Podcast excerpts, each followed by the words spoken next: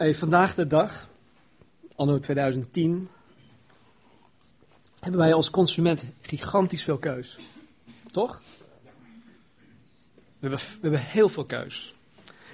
Denk bijvoorbeeld aan het aantal supermarkten die er zijn.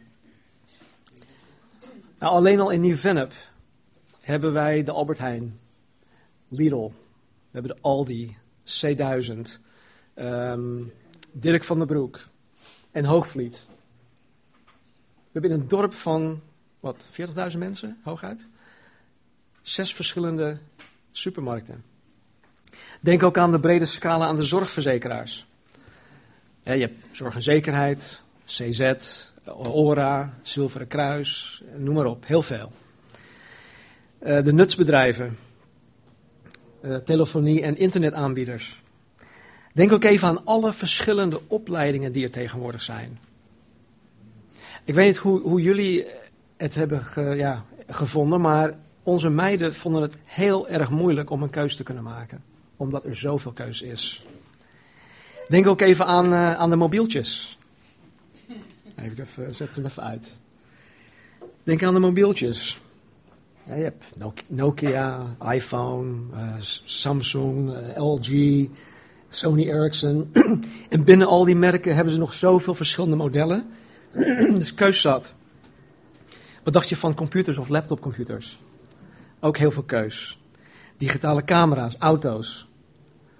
En dan ook nog alle accessoires voor al deze dingen die verkrijgbaar zijn. of op, uh, als je een iPhone hebt, alle apps die verkrijgbaar zijn. En als je een jailbroken iPhone hebt, alle apps die ook verkrijgbaar zijn. Nou, we hebben vandaag de dag ontzettend veel keus. En ik vind het aan de ene, ene kant wel goed om, om veel keus te kunnen hebben. Maar persoonlijk vind ik het soms erg moeilijk om de juiste keus te kunnen maken. Ik weet niet of jullie het ook zo ervaren, maar ik, ik wel.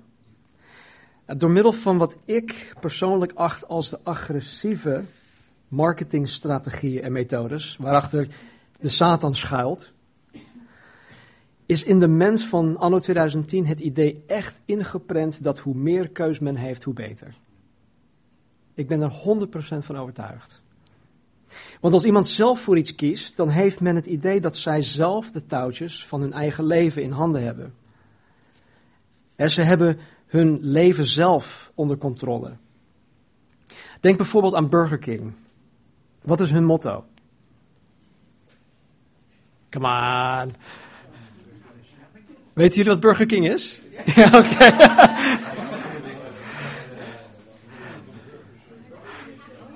Have it your way. Echt, uh, Amerikaans is natuurlijk. Bij Burger King is het have it your way. Have it your way. Dus je mag het hebben zoals jij het wilt. En het hele idee hierachter is dat de mens het zelf voor het zeggen heeft. De mens kiest zelf en de mens bepaalt zelf. Nou, ook op het gebied van godsdiensten en religie is het ja, een soort van lopend buffet. Er is zoveel keus en het idee erachter is dat je het mag hebben zoals jij het wilt. Alle religies beloven dat de mens op een of andere manier na het leven, of na het leven hier op aarde, tot iets beters zal komen. Elke godsdienst belooft zoiets. En mensen denken zelfs dat het niet uitmaakt welke religie je navolgt, want uiteindelijk gaat het toch om dezelfde God. Maar is dat zo? Is dat zo? Leiden alle wegen tot één en dezelfde God, zoals alle wegen tot Rome leiden? Of zit dat toch anders? Nou, vanmorgen gaan we kijken naar een ik ben uitspraak van Jezus en ik geloof van harte dat wij zullen zien hoe dat precies in elkaar zit. We vieren vanmorgen heilig avondmaal.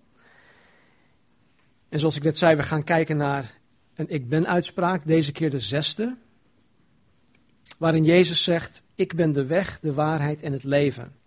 Niemand komt tot mij of komt tot de Vader dan door mij. En dat is te vinden in Johannes hoofdstuk 14. Dus als je Bijbel hebt meegenomen, open je Bijbel tot hoofdstuk 14 en dan pakken we het, uh, beginnen we bij vers 1. Johannes hoofdstuk 14, vers 1.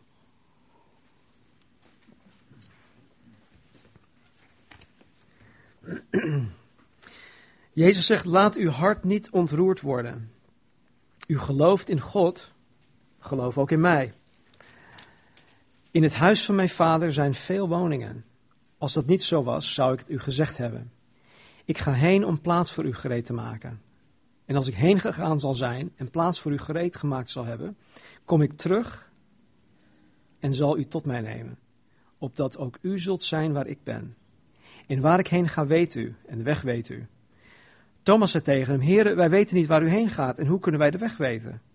Jezus zei tegen hem: Ik ben de weg, de waarheid en het leven.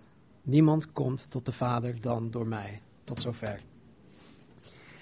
Nou, dit stukje wat ik net voorgelezen heb, maakt deel uit van een gesprek dat Jezus voert met alleen zijn twaalf discipelen. Niemand anders is erbij.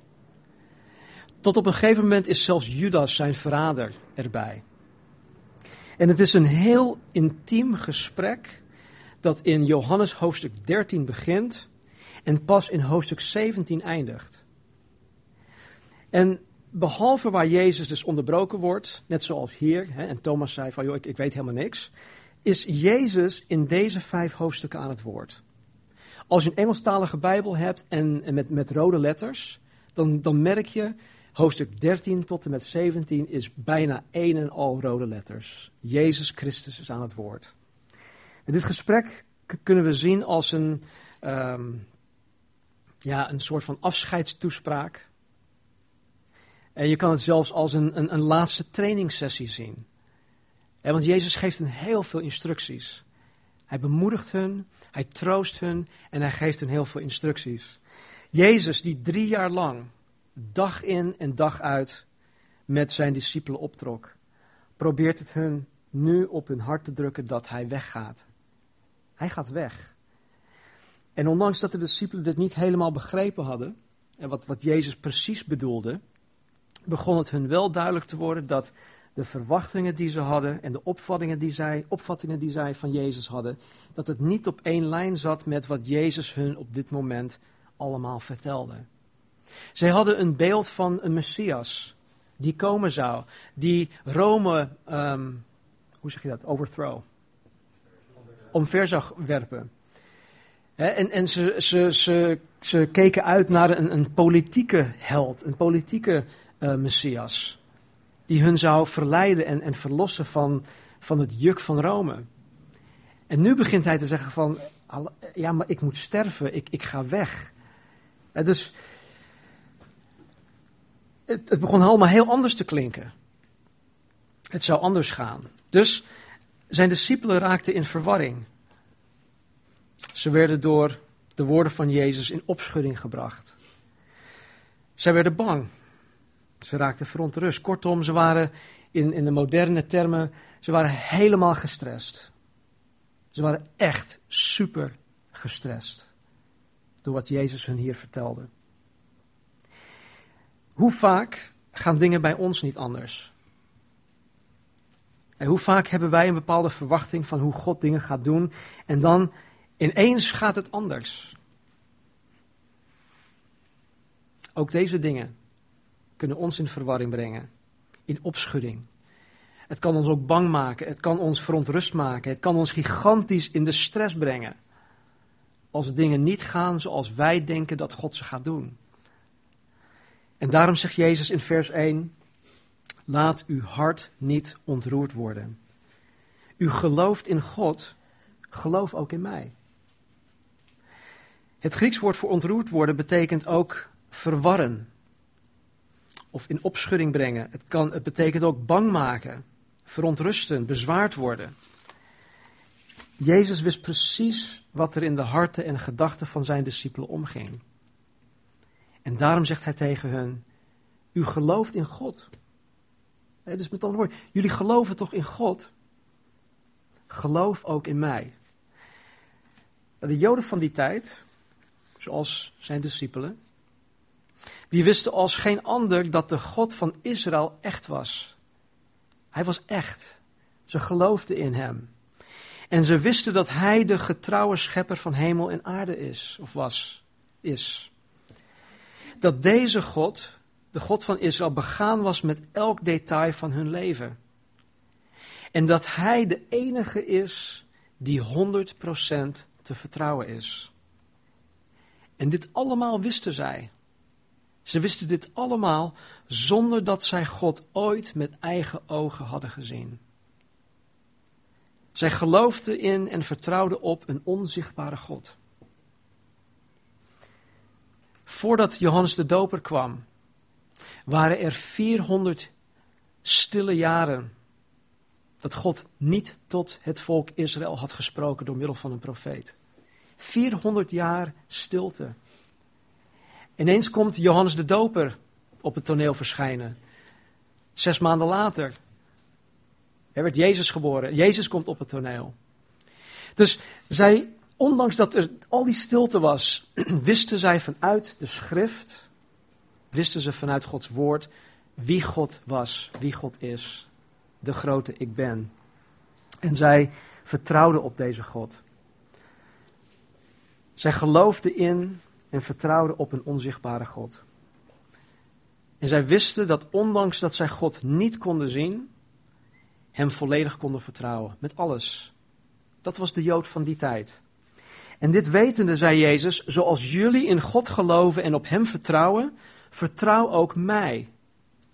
Zoals jullie in de onzichtbare God van Israël geloven, blijf ook in mij geloven wanneer ik terugga naar de hemel. Wanneer jullie mij niet meer zullen gaan zien.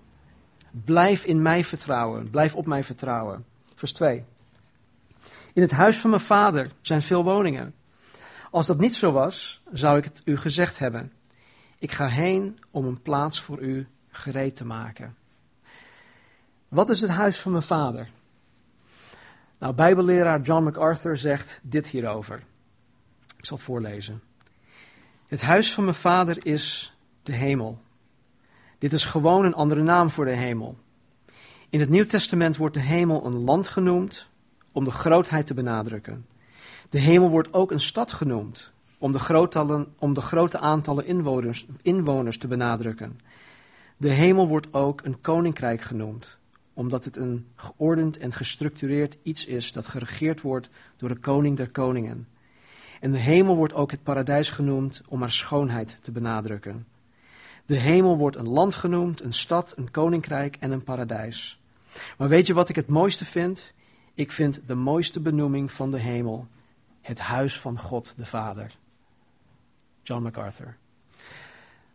Wat hij hiermee zegt, is dat wanneer het kind van God in de hemel terechtkomt, het voor hem of haar een thuiskomen is.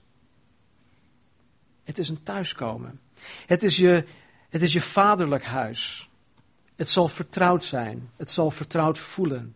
Je zal je ook helemaal thuis voelen. Je zal je geborgen voelen.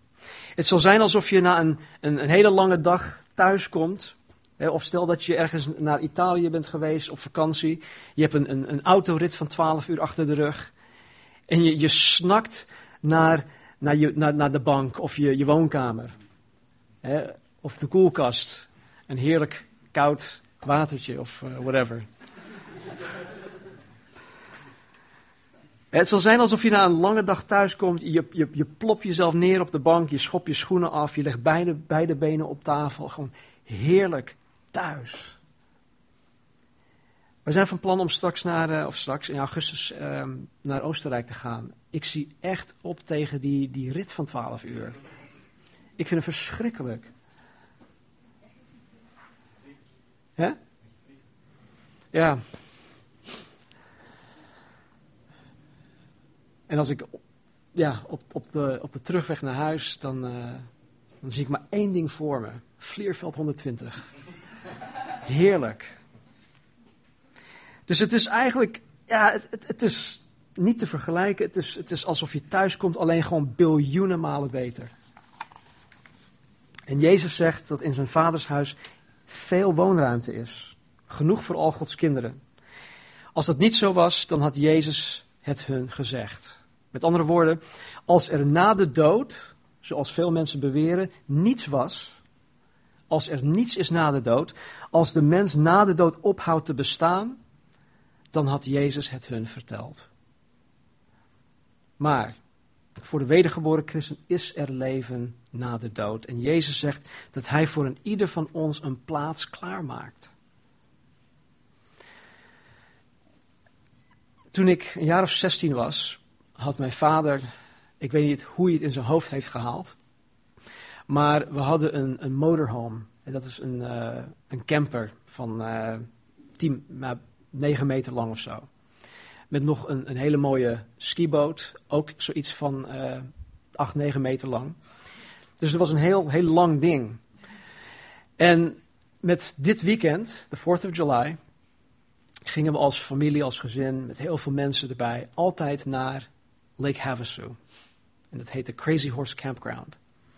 En ik had, ja, ik, ik, ik zat op school, dus ik had al vakantie. Maar mijn vader die kon, uh, kon pas meestal vrijdagavond daar naartoe gaan. Dus wat deed hij?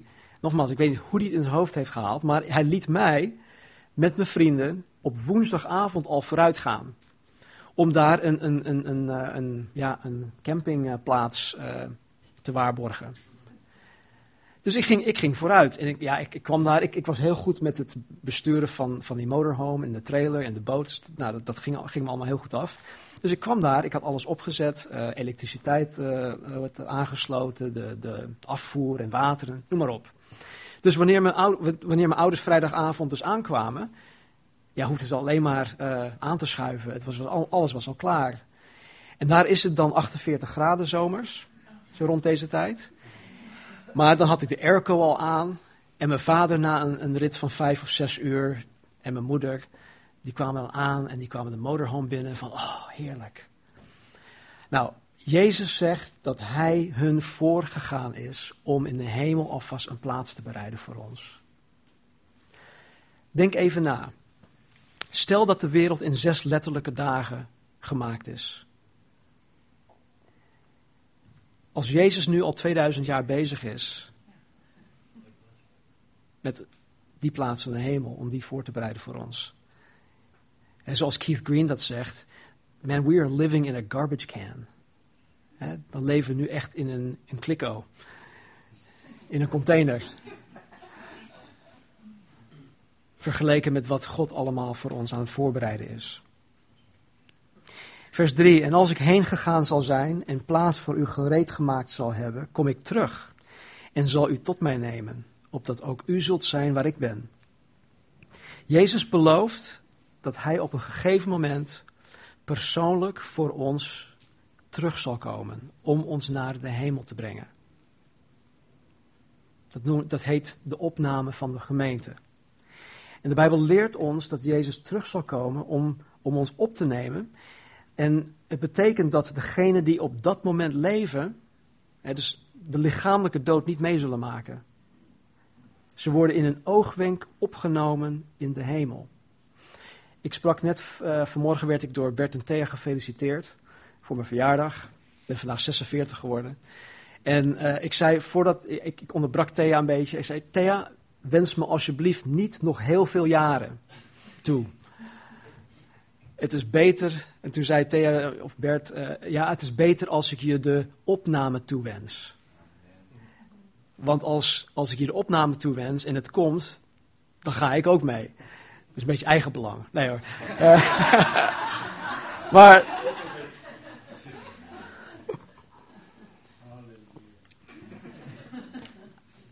Maar ja, wij die die opname zullen meemaken, wij zullen lichamelijk dus niet sterven. En het mooie hiervan is dat dit op elk moment kan gebeuren. Vanuit een bijbels profetisch oogpunt hoeft er niets meer te gebeuren voordat Jezus terug kan komen. Vanuit een profetisch standpunt is alles al gebeurd. De, het, is, het is klaar. Hij kan elk moment terugkomen. Het kan zelfs vandaag gebeuren. En ik denk dat we ons allemaal vandaag ook moeten afvragen: ben ik er klaar voor? Nee, niet SpongeBob. ik ben er klaar voor, ben er klaar voor. Maar ben je er klaar voor? Ben je er klaar voor? Ik geloof dat Jezus zich er ook net zoveel op verheugt dat wij in de hemel komen als wij ons erop verheugen.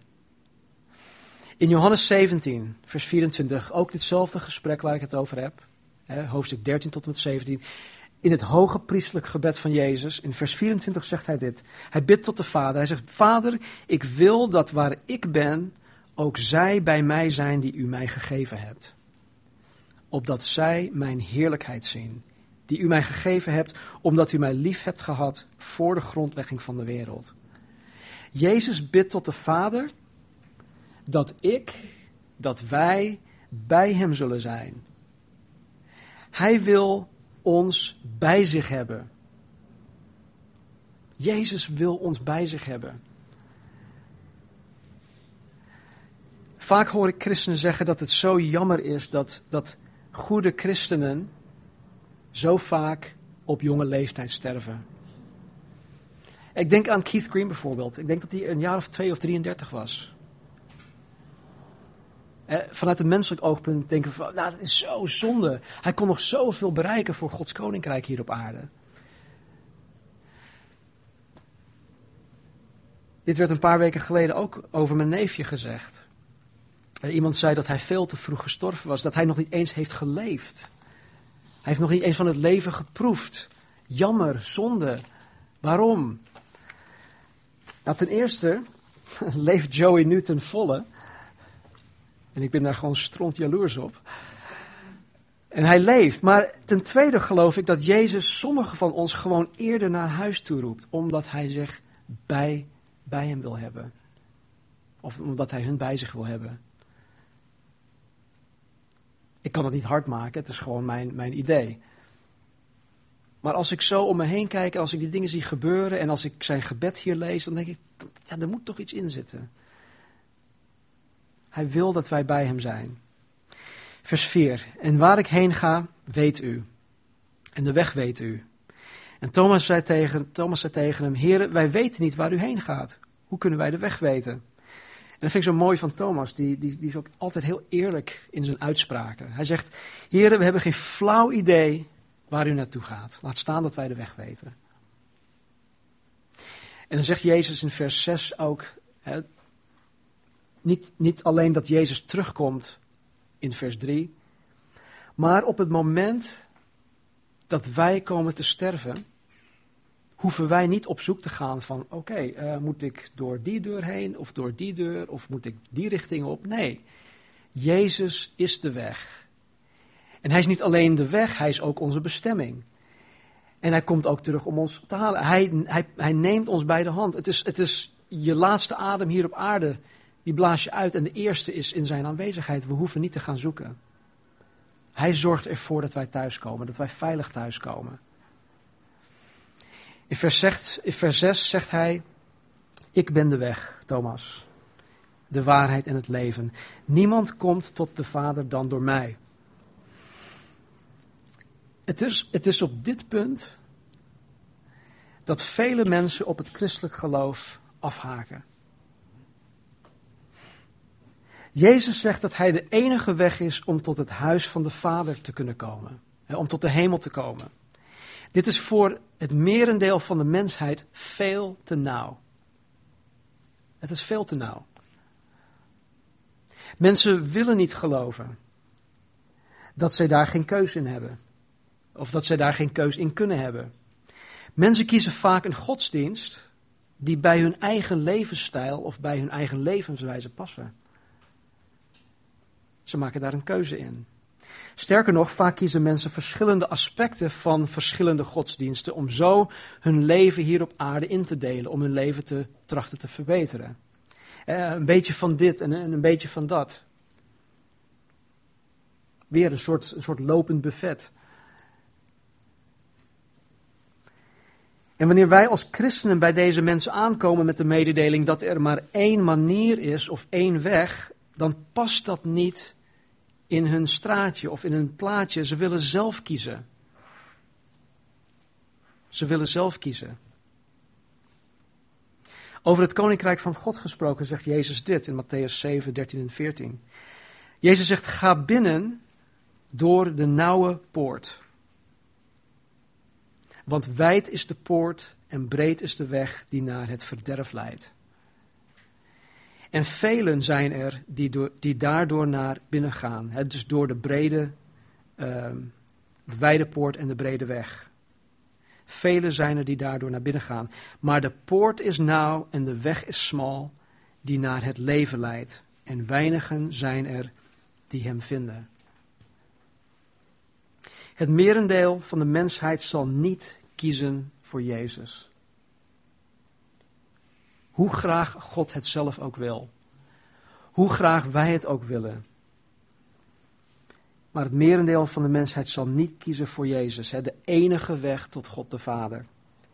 En door niet voor Jezus te kiezen, zullen ze voor eeuwig, onophoudend lijden in een plaats dat in eerste instantie bestemd was voor de duivel en voor de demonen.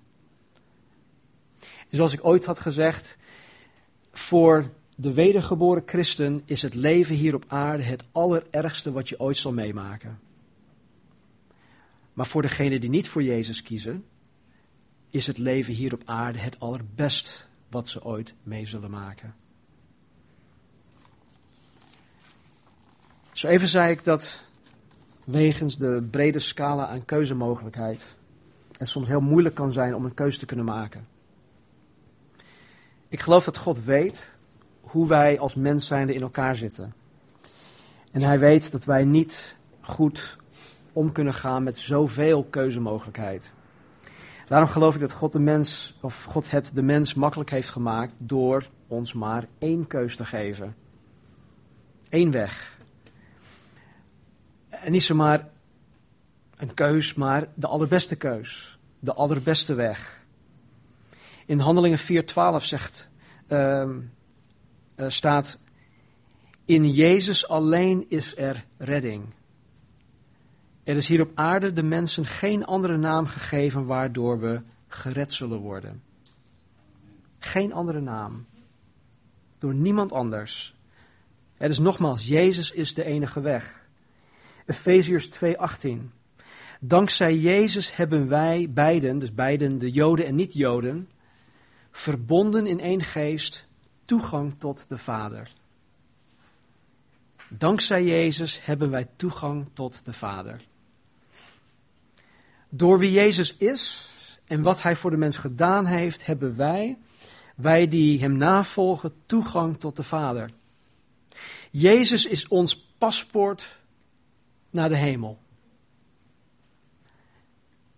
Zoals ik een paar weken geleden niet zonder paspoort de VS in kon gaan, kan ik zonder Jezus het huis van de Vader ook niet binnengaan. Je wordt niet toegelaten. Hebreeën 7, vers 25. Zo kan Jezus ieder die door Hem tot God komt volkomen redden. Omdat Hij voor altijd leeft en zo voor hen kan pleiten. Het is geen Boeddha, het is geen Mohammed of Confucius die op dit moment aan de rechterhand van God de Vader zit om voor mij te pleiten. Nee, het is Jezus die in mijn plaats mijn doodstraf op zich genomen heeft, die mij volledig vrijgesproken heeft van al mijn schuld, die nu aan de rechterhand van de Vader zit om voor mij te bidden. Satan wordt genoemd de aanklager van de broeders. De, de broeders hè. Hij, hij klaagt ons aan. En hoe moet je dat zien? Het is alsof hij voor God staat en hij zegt, kijk dan die stem. Kijk wat hij weer gedaan heeft. Hij heeft weer gezondigd. En dit na, na zoveel keren dat hij heeft gezegd van, oh ik zal het nooit meer doen, ik zal het nooit meer doen, vergeef me alsjeblieft God. Doet hij het weer, kijk, hij doet het weer. En dan zegt Jezus op een gegeven moment als, als degene die voor mij bidt, degene die voor mij pleit, time out. En misschien heel, heel oneerbiedig zeg ik dit nu, Luister, pa. Daar ben ik voor gestorven. En dan zegt God met zijn, met zijn houten hamer: pak. Case dismissed. Satan weg. Jezus pleit continu voor ons. Nogmaals, het is geen Boeddha, Mohammed of Confucius of enig andere afgod die daar zit. 1 Johannes 5, vers 12. Wie de zoon, wie Jezus heeft, heeft het leven. Wie de Zoon van God niet heeft, heeft het leven niet. Heel zwart-wit. En dan als we een kijkje nemen naar de verre toekomst, zoals Johannes dat ook kreeg toen hij de brief Openbaring uh, moest schrijven. In Openbaring 20, vers 15, echt aan het einde der tijd, staat er dit. Ieder van wie de naam niet in het boek des levens stond, werd in de poel van vuur geworpen.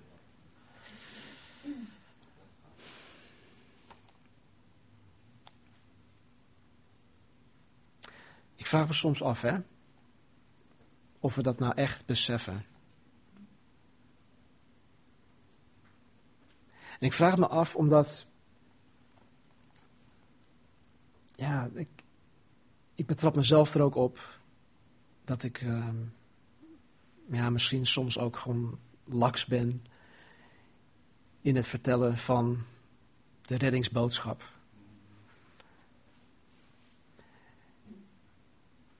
En dan word ik toch altijd weer teruggebracht naar het feit van, hé, hey, als die mensen het niet horen en als die mensen het niet aanvaarden, dan is dit hun toekomst. Is dit wat God wil? Nee. Daarom zijn wij hier. Wij zijn hier als instrumenten om mensen te redden van dit. Ieder van wie de naam niet in het boek des levens stond, werd in de poel van vuur geworpen. weet je, dat is voor altijd. Altijd. Iedereen die de zoon niet erkent, heeft ook de vader niet. Maar wie de zoon erkent, heeft ook de vader. Tot slot. Jezus is de weg, de waarheid en het leven. Niemand komt tot God de Vader dan door Hem alleen. In Matthäus 11, 27 tot 30 zegt Jezus dit. Jezus sprak weer tot de mensen. Mijn vader heeft mij alles toevertrouwd.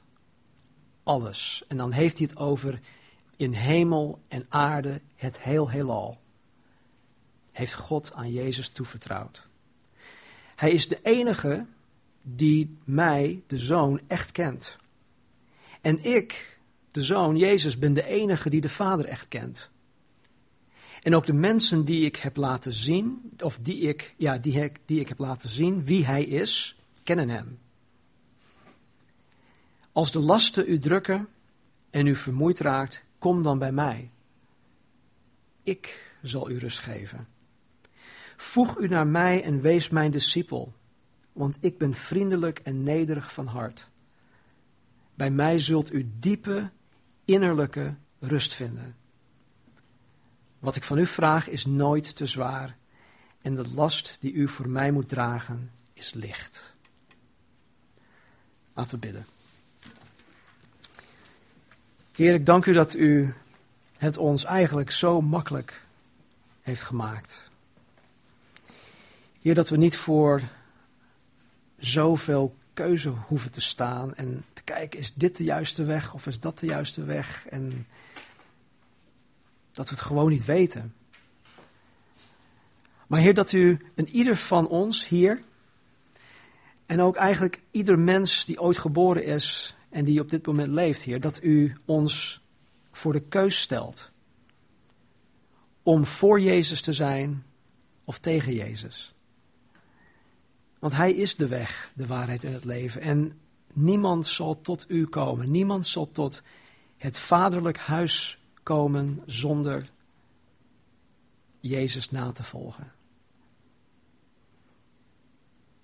Dus hier nogmaals, ik dank u dat u dat aan ons bekend heeft gemaakt. En ik dank u, Jezus, dat u zo ver bent gegaan. Dat u uw heerlijkheid in de hemel heeft afgelegd om een mens te worden. En dat u voor mij, voor ons,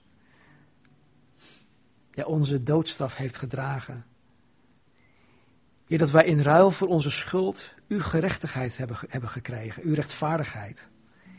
Heer, dat wij nu 100% rechtvaardig zijn verklaard. Heer, dat wij volkomen vrijgesproken zijn door uw offer, Jezus. Dank u wel. En Heer, zoals wij, zoals we zometeen, of als wij zometeen het heilig avondmaal tot ons nemen. Heer, help ons daar weer van bewust te worden, Heer. Alsof het echt de allereerste keer is. Vervul ons hart, Heer, met vreugde, met uw vuur. Heer, alsof wij u voor, het, voor de allereerste keer weer ontmoeten.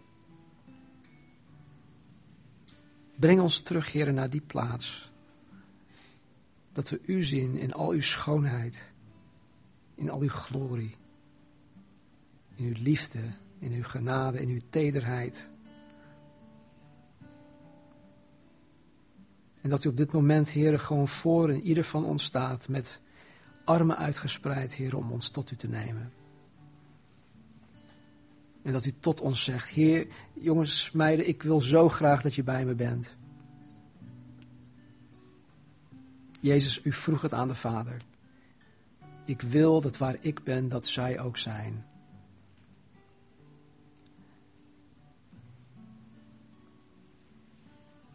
Mocht je die keuze nooit gemaakt hebben,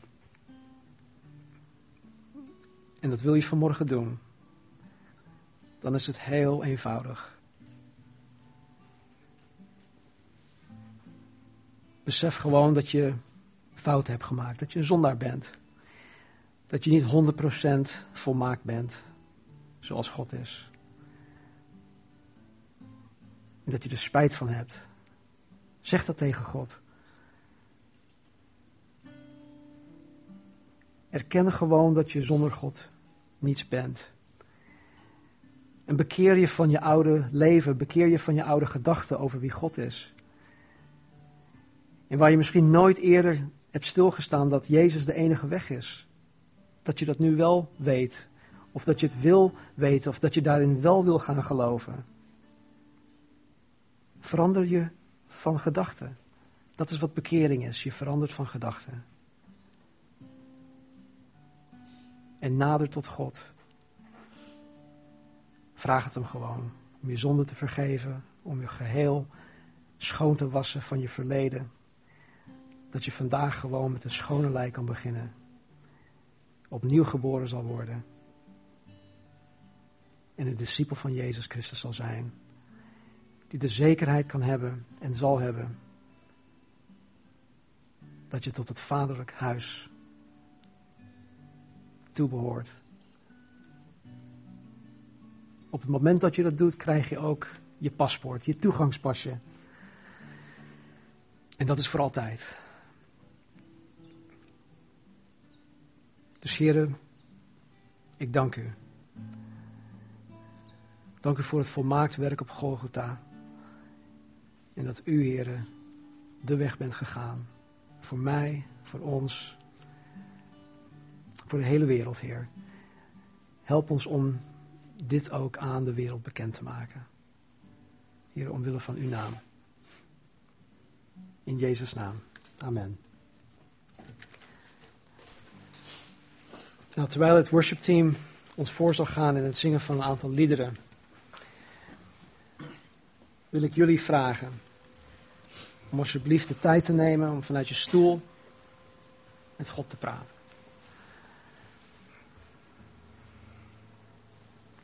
Joey's laatste wens hè, van mijn neefje. Says, get right with God. En dat geldt voor zowel niet-gelovigen als gelovigen. Get right with God. Doe dat. Beleid je zonde tot God. Geef toe dat je een zondaar bent.